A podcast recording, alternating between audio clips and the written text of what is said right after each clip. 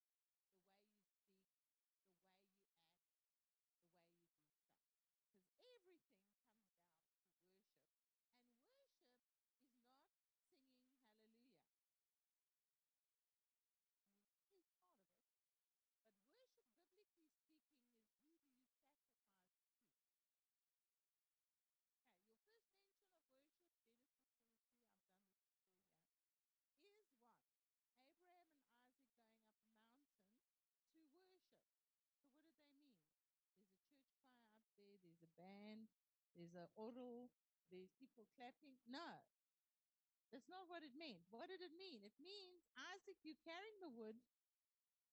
We're going up the mountain. You're going to lie down on the wood. The servants asked, What are you guys doing? They didn't say we're having a worship service. Ne? He says, No, I'm going up this mountain to literally kill my son, okay? Because we worship him. But we will see you again. So before Abram goes up the mountain, he's already saying, We are coming back. So he already believed God would resurrect Isaac before they went up, by the way. Go read your Bible. Are you here yet? So worship is is the way that you sacrifice, you bring an offering, uh, what you do with your life. The other issue is very interesting that I've been preaching now for the whole weekend is all I did was Pentecost, Pentecost, and Pentecost. And most Christians who are excited about Pentecost thinks it's about speaking in tongues. And so we celebrate in the Christian world speaking in tongues. Well, speaking in tongues is only a sign of a covenant. What covenant? A covenant of marriage at Mount Sinai. Between who and who? God and who? The Israelites. And what, what was the covenant about? They were getting married.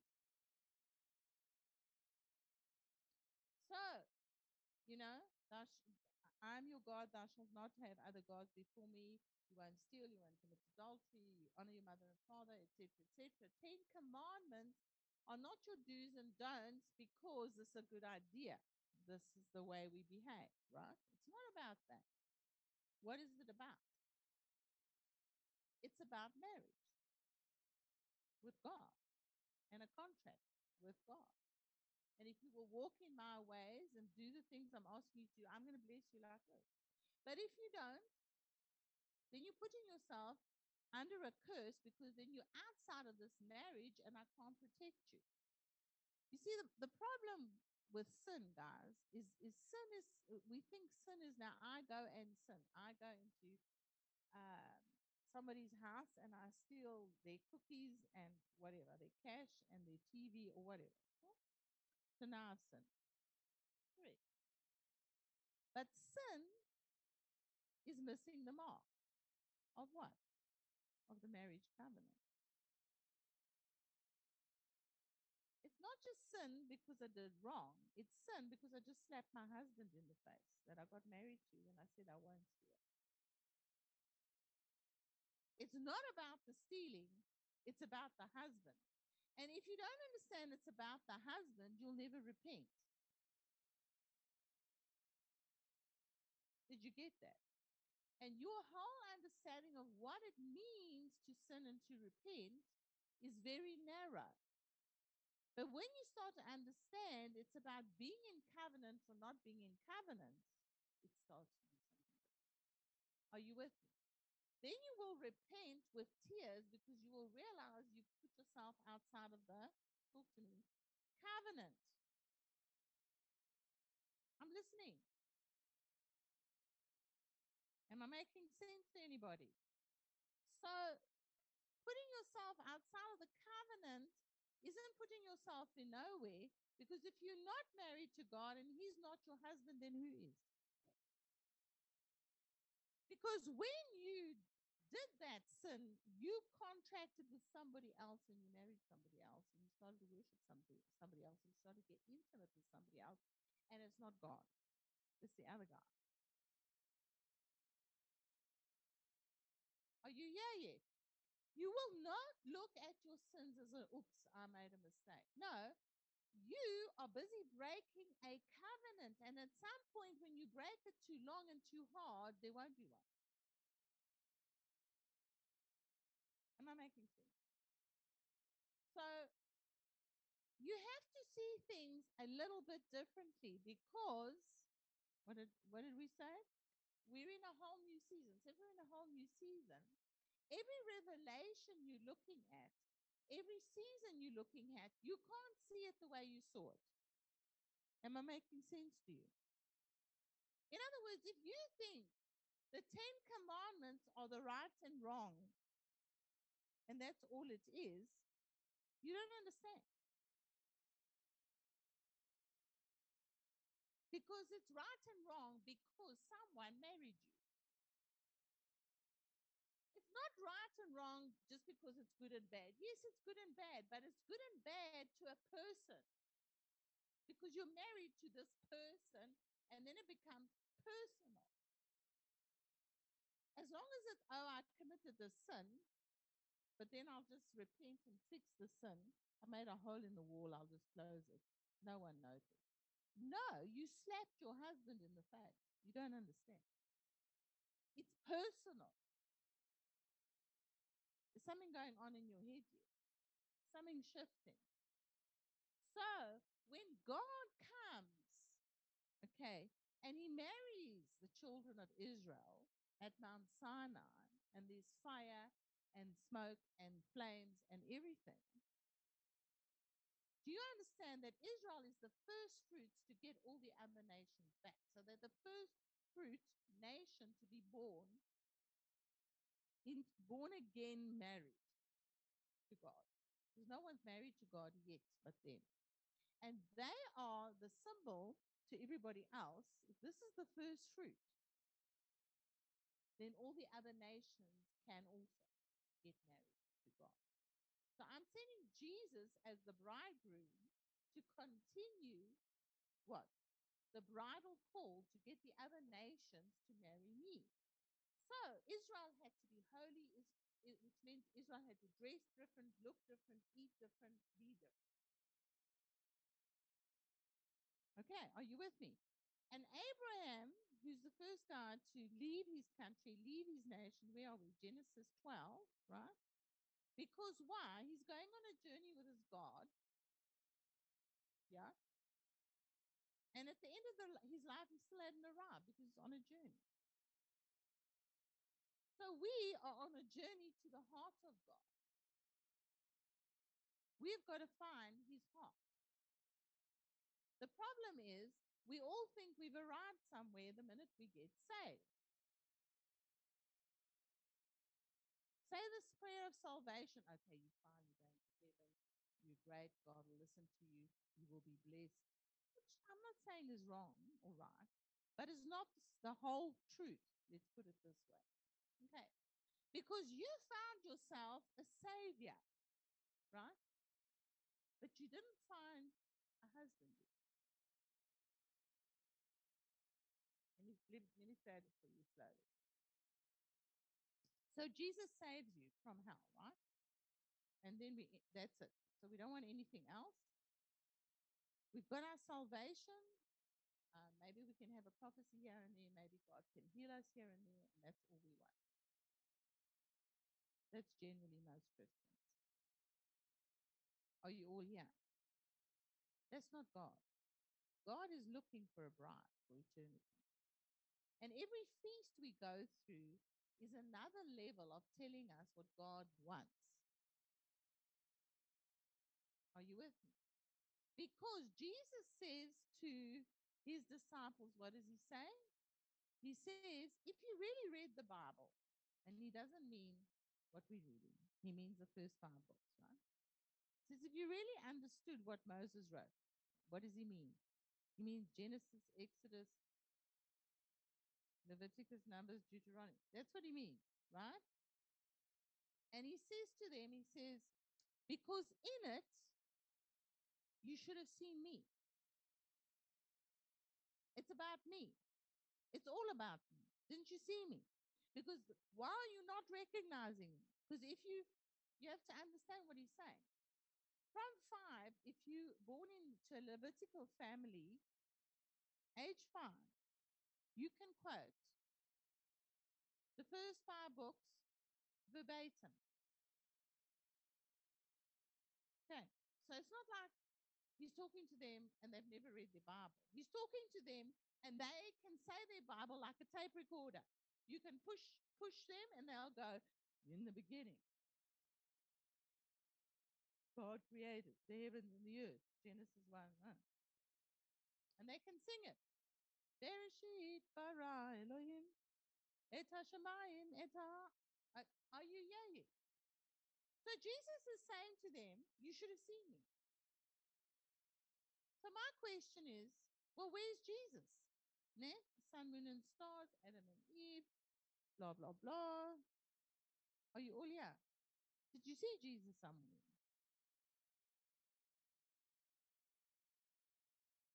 Fifty plus chapters just on the building of the tabernacle, the priesthood, the offerings are all types and shadows of Jesus.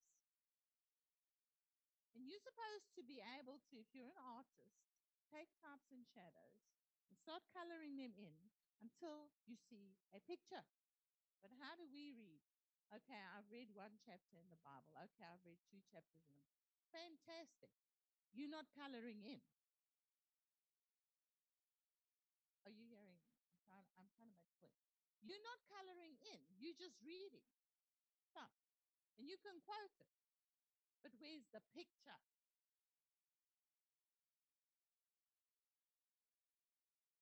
How am I doing? Making sense.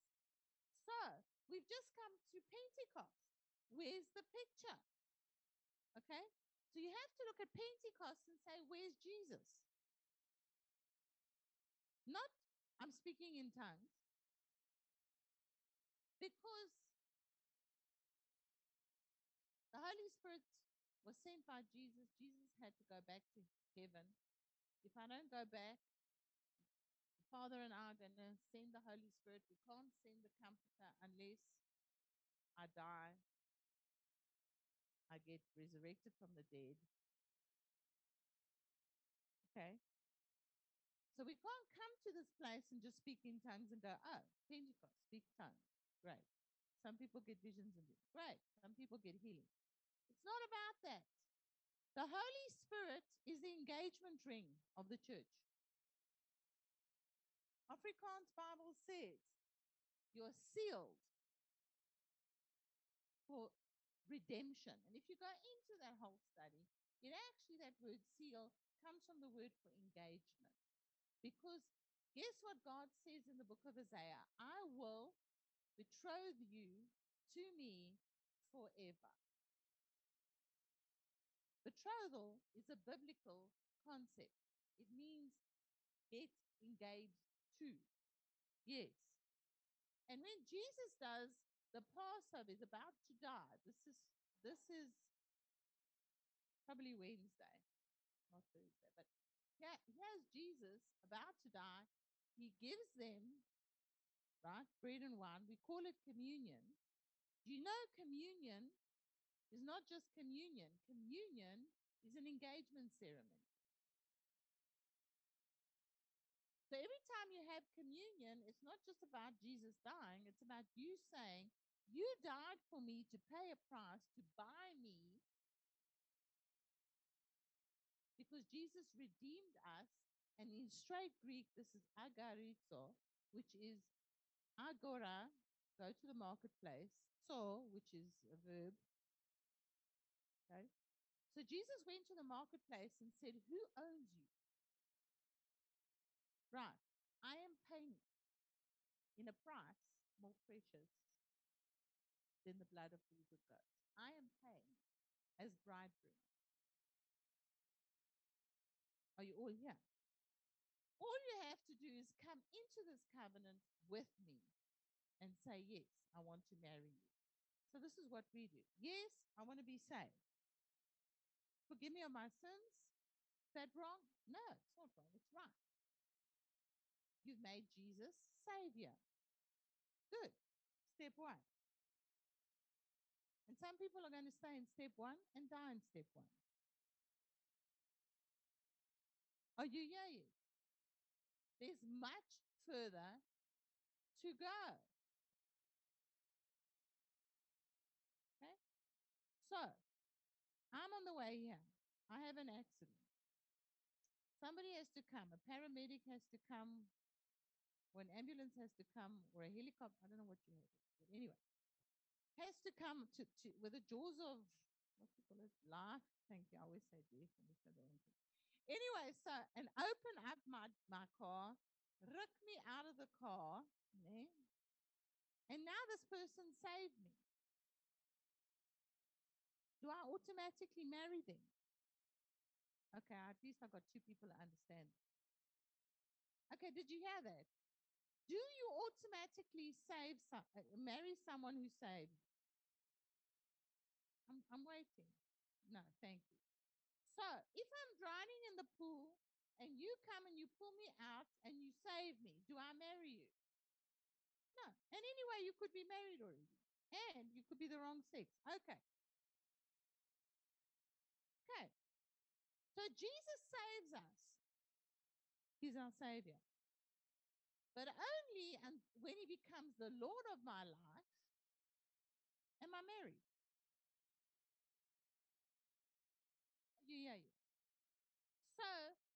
Salvation is free, offered to me.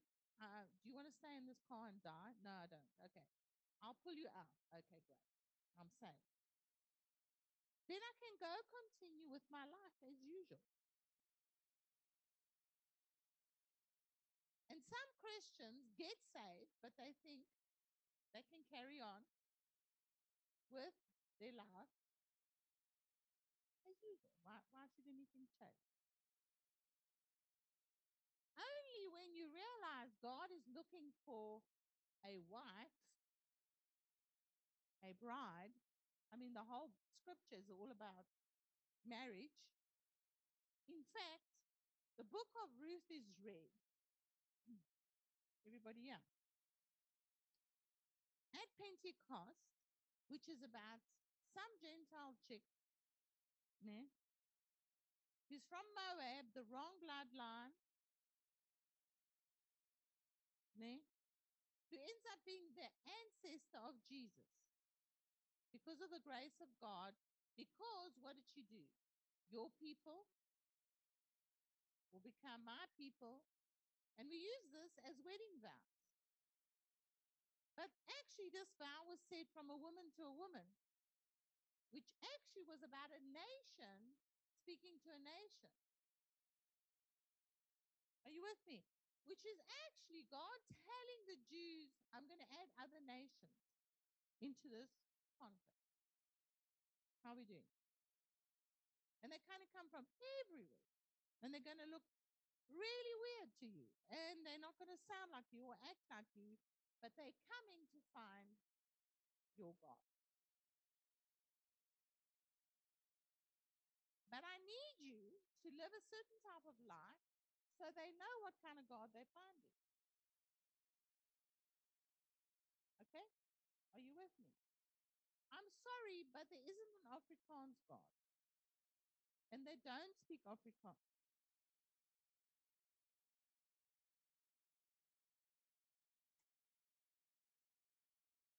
Okay, they're going to speak every language, tribe, and tongue. Okay, be happy.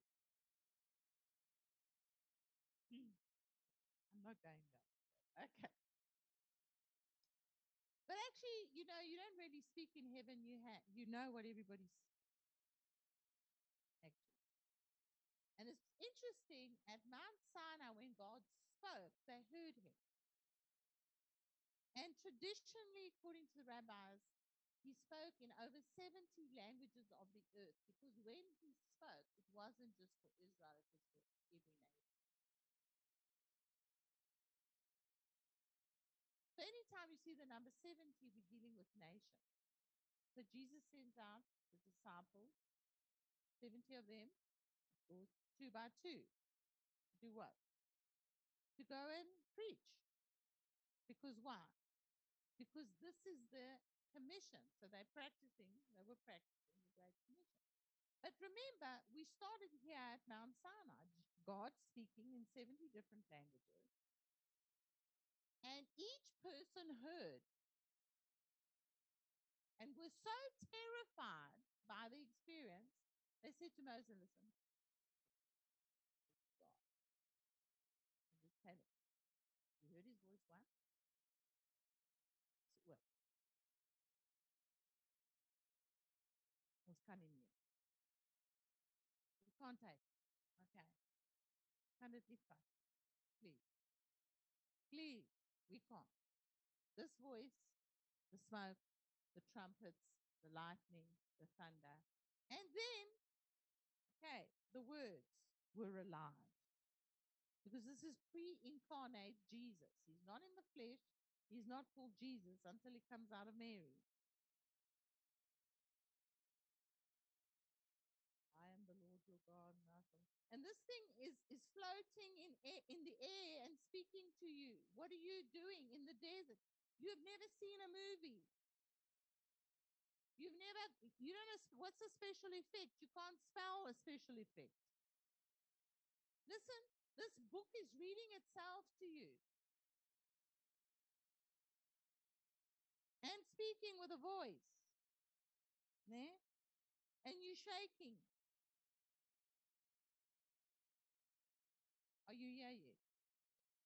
Say, please. Mm-mm. Whatever he says, me do. But don't, no. No, no speaking me. Me no speaking, me no hearing. Moses, you tell us. You go hear that frightening voice. And what just happened? They put in the office of the prophet and they just separated themselves from God. And so I just want you to know every time you run after your, your personal prophet, your, uh, your prophet that you like, you're doing the same thing. There's a rejection here of you hearing God. Because even if you believe in prophets and prophecy, and I do, you have got to hear God yourself also.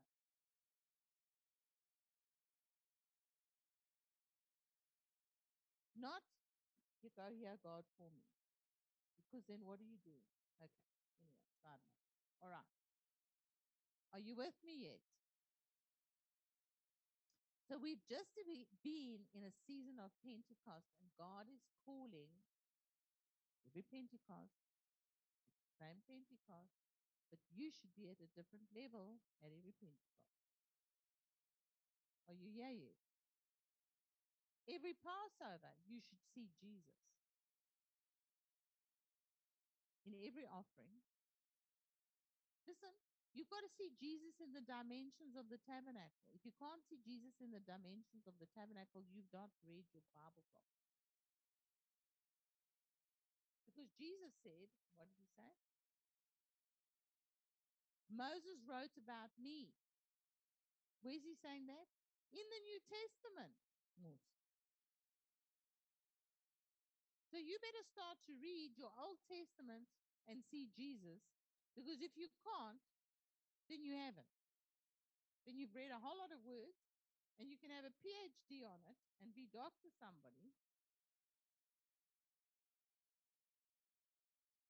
And she knows a few doctors that have all the studying,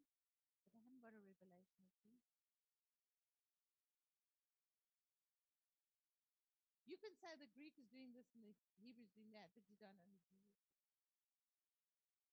How is it that you can read the Bible and not recognize it? Are you here yet? Hello? Yeah. There's something about being filled with the Spirit and having revelation. Okay. So, Ruth is amazing. The story of Ruth is amazing because this is the season we're in. What is God looking for? A Ruth, the Gentile church. What's, what's he looking for? Ruth is, is supposed to be what? Engaged and found after she was involved in what? In the harvest. So if you're not in, in, in interested in a harvest for souls, then you're not Ruth, then you're not going to get engaged, then you're not going to get married, and maybe you've got Jesus as a savior, but you don't have him as Lord. And Lord in the Greek is the same as saying Mister, as in my husband. Making sense to you? Are you here yet? Okay. But we want all the gifts, eh? So Rebecca, remember? How's Rebecca chosen? She's chosen because she was working. How was she working? She was feeding how many? Ten camels. And we worked out, Johan, what? How many gallons does this this this very lacquer creature have? Twenty how much? Twenty-five gallons. And I think that they do eleven gallons. So 25 liters, and we worked out this thing can, yeah. Okay. This cam- camel can suck it up. Okay. She has to do what? Go to the well, you know, get this pottery clay thing out with how much water, pour into trough, and one camel. Hello? Are you getting the picture? And she's got to do that 10 times. And after the 10th time, the servant chooses her because she did her task. She finished the assignment the Holy Spirit gave her. And then she got chosen. And when she got chosen, she got all these wedding gifts, betrothal gifts bracelets and jewelry and everything because the bracelets, jewelry, the earrings, the nose ring, whatever in the culture. That was the the wedding gifts or the betrothal gifts or engagement gifts or however you want to see it of the bridegroom because who sent his servant was Abram. Are you with me? So the Holy Spirit is looking for a bride, but he's looking for the people who are working in the harvest. He's looking for the people who are feeding thirsty camels, smelly, ugly, spitting. Have you seen these things? Have you smelled those things? Okay. Did you see that? We we think no no we we women think you know Queen Esther, Sparty, nails. Can just clock out. I'll call you back now. That's what we think Queen Esther's about. Until you, unless you really understand the history of a harem and know your life is on a on a dagger edge every day because all these women hate you and they will kill you. Just if you you just have to be alive and breathing and they're planning to kill you. Okay. The fact that she survives all this stuff is amazing. Because I don't know if you understand, in the Ottoman Empire, um, the- Sultan dies, and whoever he chooses becomes, you know, the, the king, the Sultan. But like now, there's 70 kids, right? From all these other wives. Guess what happens to them?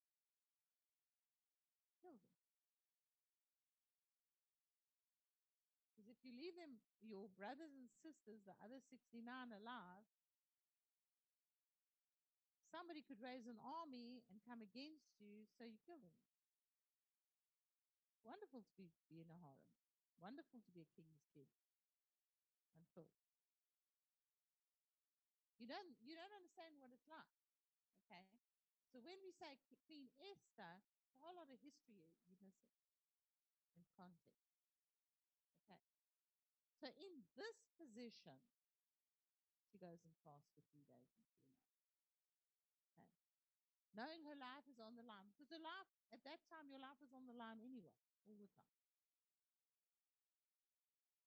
Are you with me? If Nehemiah didn't smile right, he could be put to death. Because, you know, off with your head was just normal. You looked in the wrong direction. Yeah? Are you with me? Johan is on the throne. He's the king. You did. Are you here yet? So imagine that the king of the universe is looking for a queen. And Lucifer knows it. So if you're Lucifer, what are you going to do? You're going to kill, destroy, steal, make sure there will never be a queen. And you're going to make sure that the Holy Spirit never is around because the Holy Spirit is to help you become holy, ready, select you for the Lord and Master? Give you gifts. So we think, no, we can see, we can prophesy. That's an that's just a, a golden bracelet to say you engage. Speak in tongues. Those are earrings. Part of your betrothal. Are you getting this? We worship the, the stuff, not understanding what the stuff is for. When the Holy Spirit came down with fire, he was sealing the deal. Are you here yet? So today we talk about speaking in tongues. I'm, I'm waiting for the baptism of fire because we ain't seen that for a while. Because it takes a certain amount of consecration and holiness to have that. How are we doing, everybody?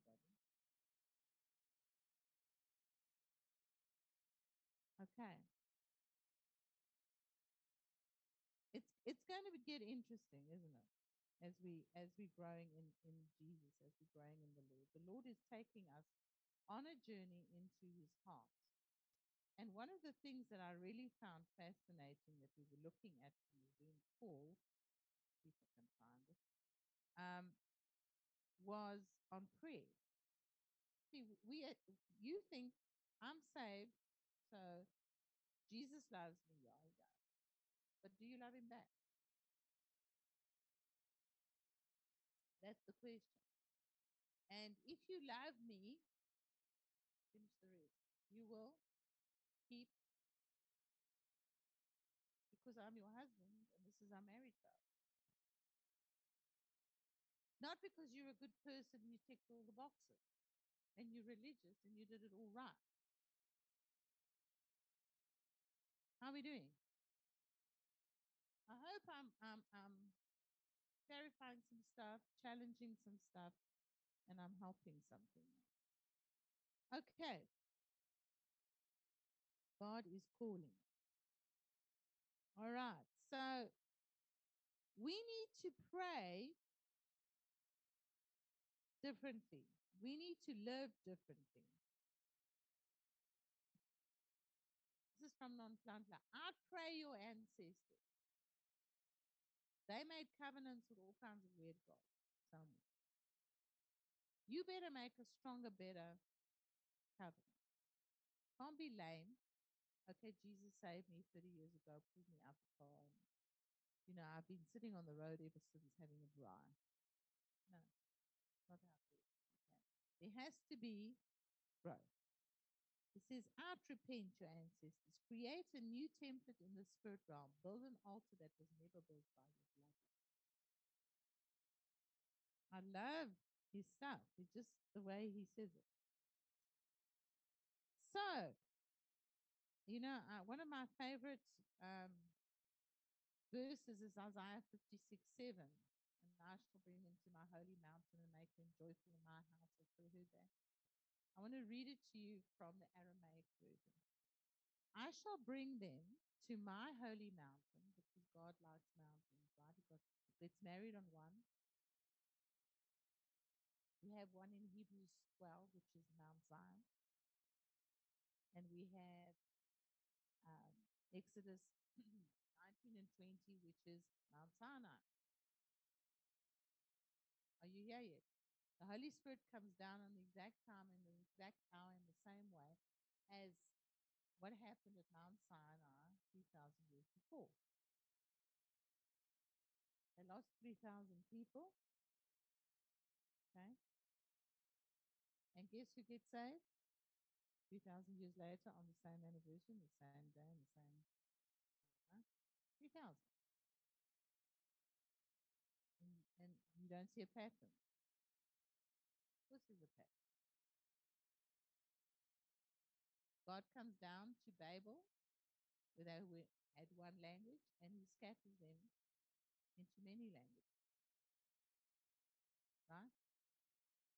So when we come back to the baptism in the Holy Spirit, right? When these tongues arrive, suddenly everybody from everywhere can hear, hear what Peter is saying in their own language at the same time.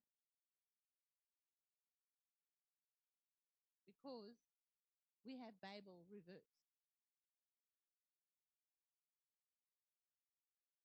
Are you all here? When God does stuff, nothing is new. He's the same yesterday, today, and forever. You've got to find pattern. How are we doing? Okay, I know I'm rapid firing you. but listen to this one Isaiah 56, verse 7 I shall bring them to my holy mountain and make them rejoice.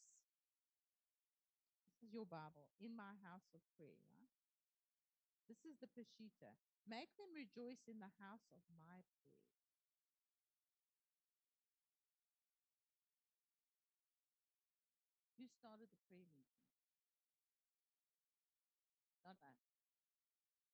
Came in the house of pray. So when you pray, how about joining his prayer meeting and not making up your own?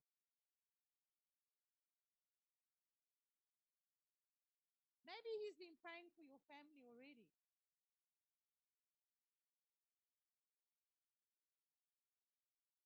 Maybe he's already praying for South Africa and for Israel.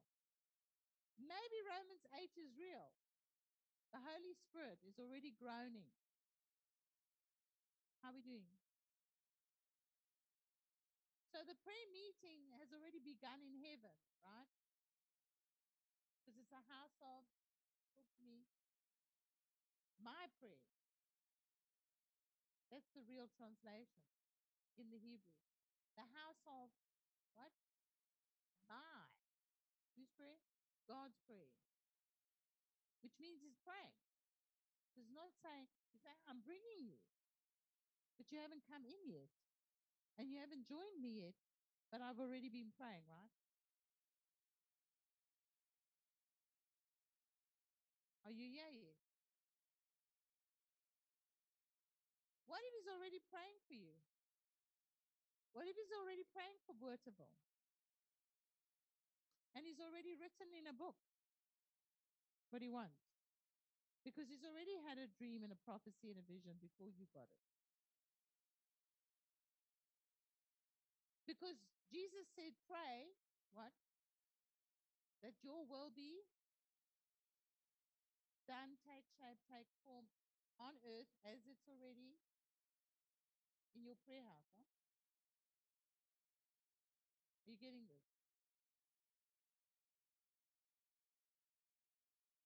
Every time people ask me, pray for me, I want to do this. Well, let's just pray and ask God to just bring problem. Does he want this?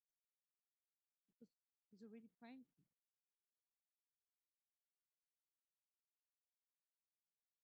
Are you are you hearing what I'm saying? Because imagine God's been praying for you and praying for you to go to India and be a great evangelist or whatever, right? And then I come along and I pray something opposite. Don't tell me that's God. Because God's already been in the prayer room about you. We're coming after the fact to get it. What's already been established for your life. You see, I, I, look, I'm not trying to be rude or funny, but people who want to know about their destiny don't get it. Your destiny is in Christ because he's praying about it. Are you getting this? Your child's destiny is in Christ. He's already prayed it. He created you with a purpose, didn't he? You know, when he created a rose bush, he doesn't expect lemons to come out, right? Because it's not in the program. It's not the biologic, biological chemical makeup, is it? It's already in. It just hasn't manifested. Okay? Making sense. So, but you don't know whether you're a lemon tree or a rose bush. Yes. And you come to me and say, let's pray over my destiny. Okay? This is the way I pray, God. Can you please help us to agree with what you're already praying? Because you know whether she's a lemon tree or a rose bush. You're making sense.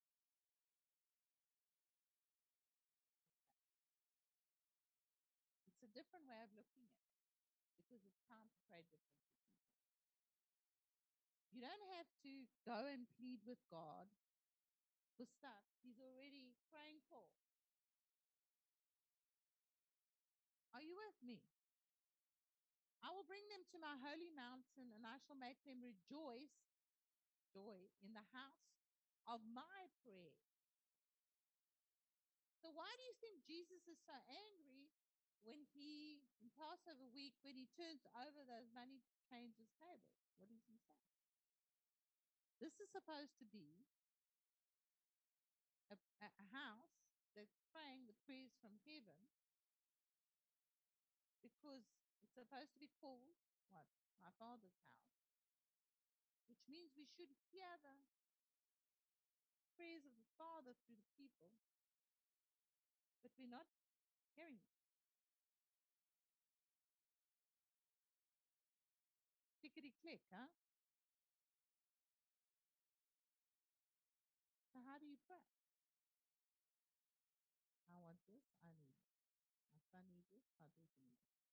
God, do you understand? No, God talks, he doesn't get it.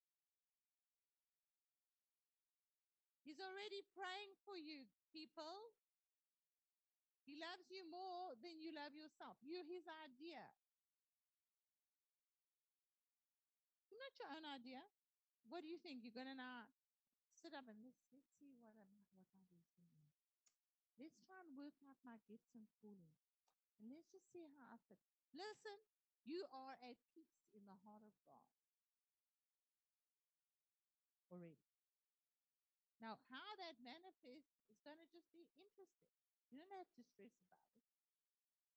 Really. Okay, are you with me? It's not something to stress about, it's something to live out as you're learning who God is.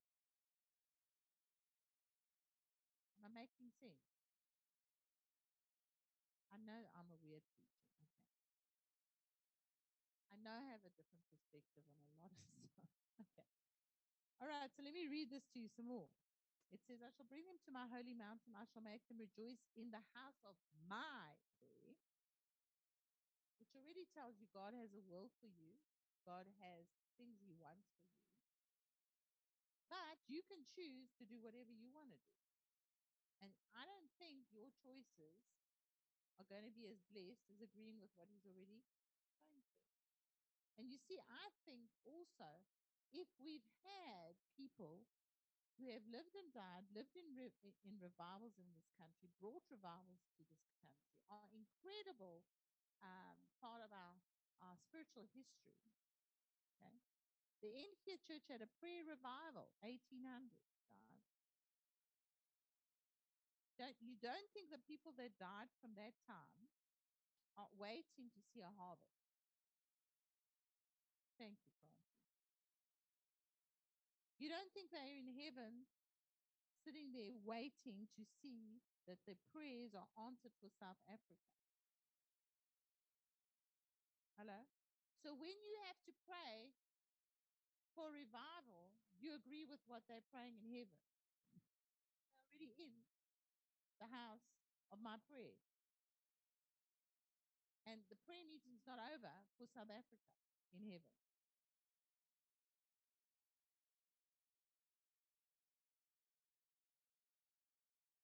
Okay, how are we doing?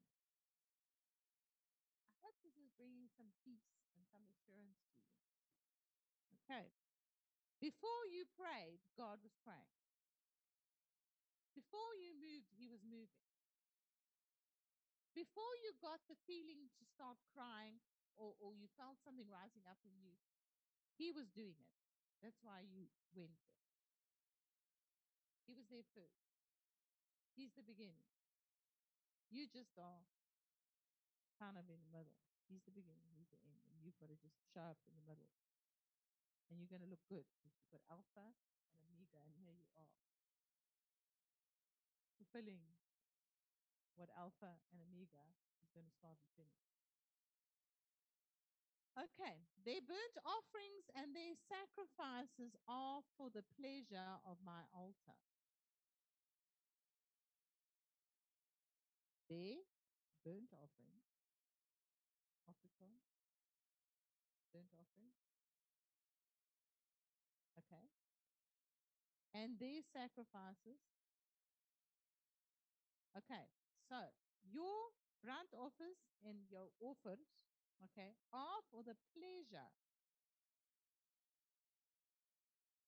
What's pleasure? Okay. Not your pleasure. My pleasure of my altar. Okay. Because the altar has feelings. This is a personification. You understand? So the altar is like a person. So when you bring your offerings to an altar, you're talking to a person. Okay, somebody's getting it. I'm, I'm waiting for the rest.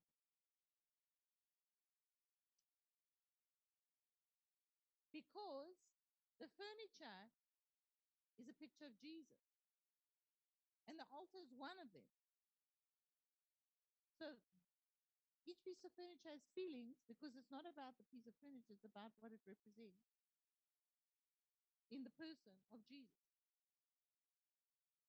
So the altar, if it can have pleasure, it can also have disgust.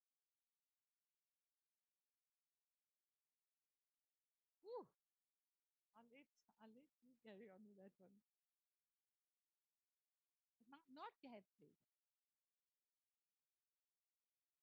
Right? Are you here yet? So just chucking an offering doesn't work, people, because the altar gets to take pleasure.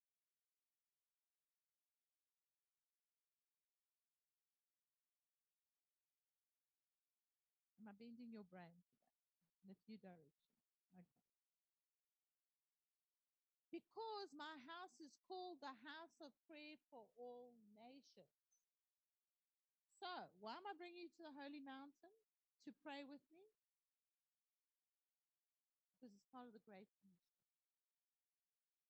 Because this house is part of my voice's invitation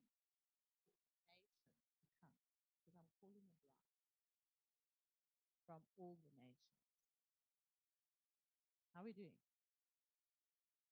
Just going to read you from Gene Edwards' book. It's called The Divine Romance. I'm sure you've got it.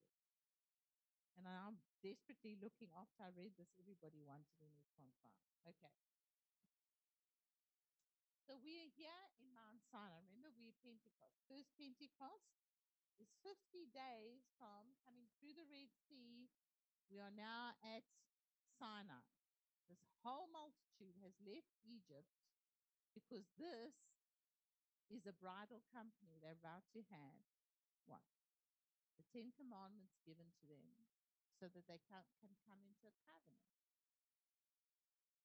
Okay? You see, when you give your life to Jesus and he becomes your savior, you then have to divorce the contract you had with the principalities and powers over your nation and your culture and your family. Because if you don't, legally you're not married. Okay. You can't be married to somebody, a man or a woman, and then go and have a trying to have a wedding legally because they're going to ask you, are you married currently? Are you yet? So there's a process of getting divorced. Repentance about getting divorced from the other person you were married to. To break that covenant so that you can come into this one properly. Okay? So this is this is describing God looking okay, in the wilderness. He had stood there all morning, high upon the summit of a great desert mountain. Watching intently toward the south, finally, in late afternoon, it began to appear. First, a tiny speck on the horizon, gradually growing until it became a moving seed of humanity.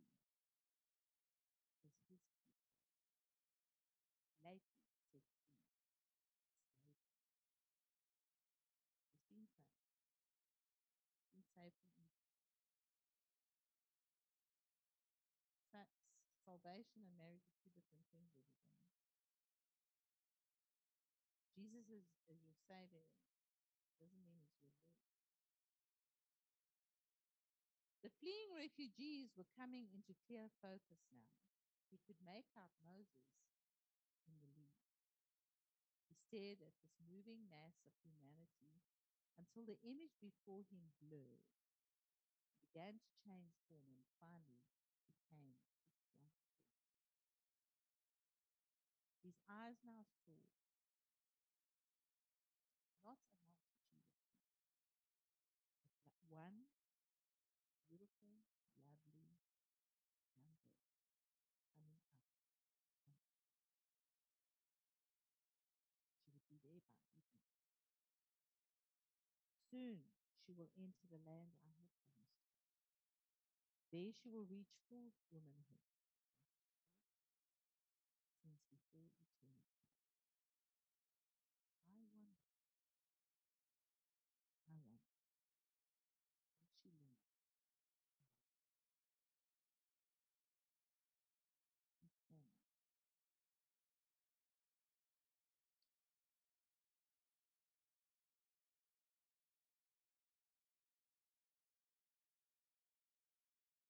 Father,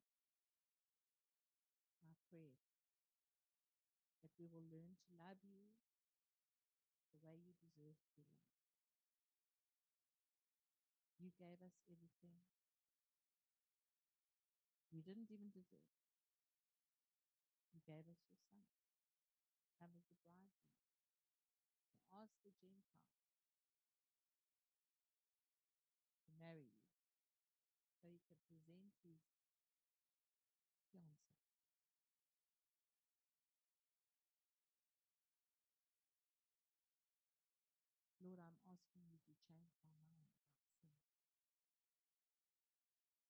doing stuff wrong. It's not about ticking boxes. It's about remaining faithful to my bridegroom.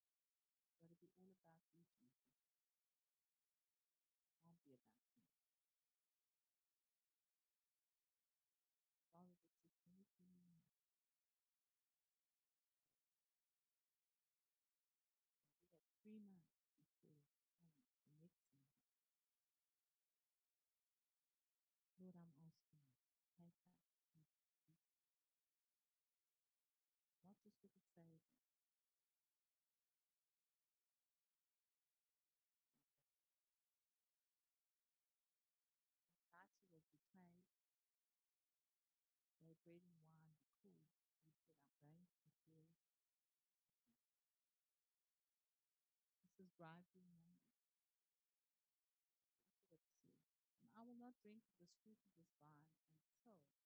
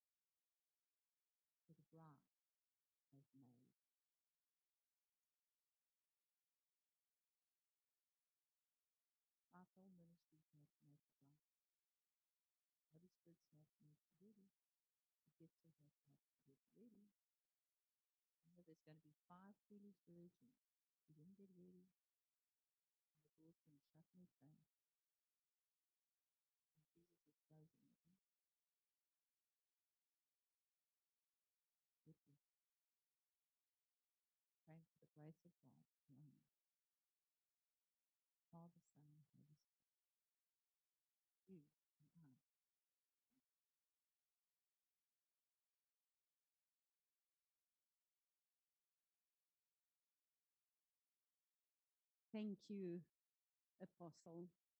Wow. This took me back to the weekend on Saturday. Uh, I think one of the things that highlighted in my life is you had the phrase the bride has to get herself ready, herself ready. And the question is, how ready are we? No one is going to get us ready. It's us that need to do- that. I've just read the book of Madame Guyon that's very much the same message. It's a very old book, but it's a book for now. This is a message for now. And this is the whole uh, um, picture of Song of Songs, where the bridegroom connects with the bride. And everything is wonderful. When we get saved, all that first love, all that wonderful feeling, then he withdrew. And she had to find him. And Madame Guyon says that whole way and the way she str- struggled, she pushed in, that she was determined to get hold of the bridegroom, is a picture where Jesus, the next time, the next phase after our salvation, he wants us to meet with him in the heart of our Father. And this is what Apostle Natasha touched on.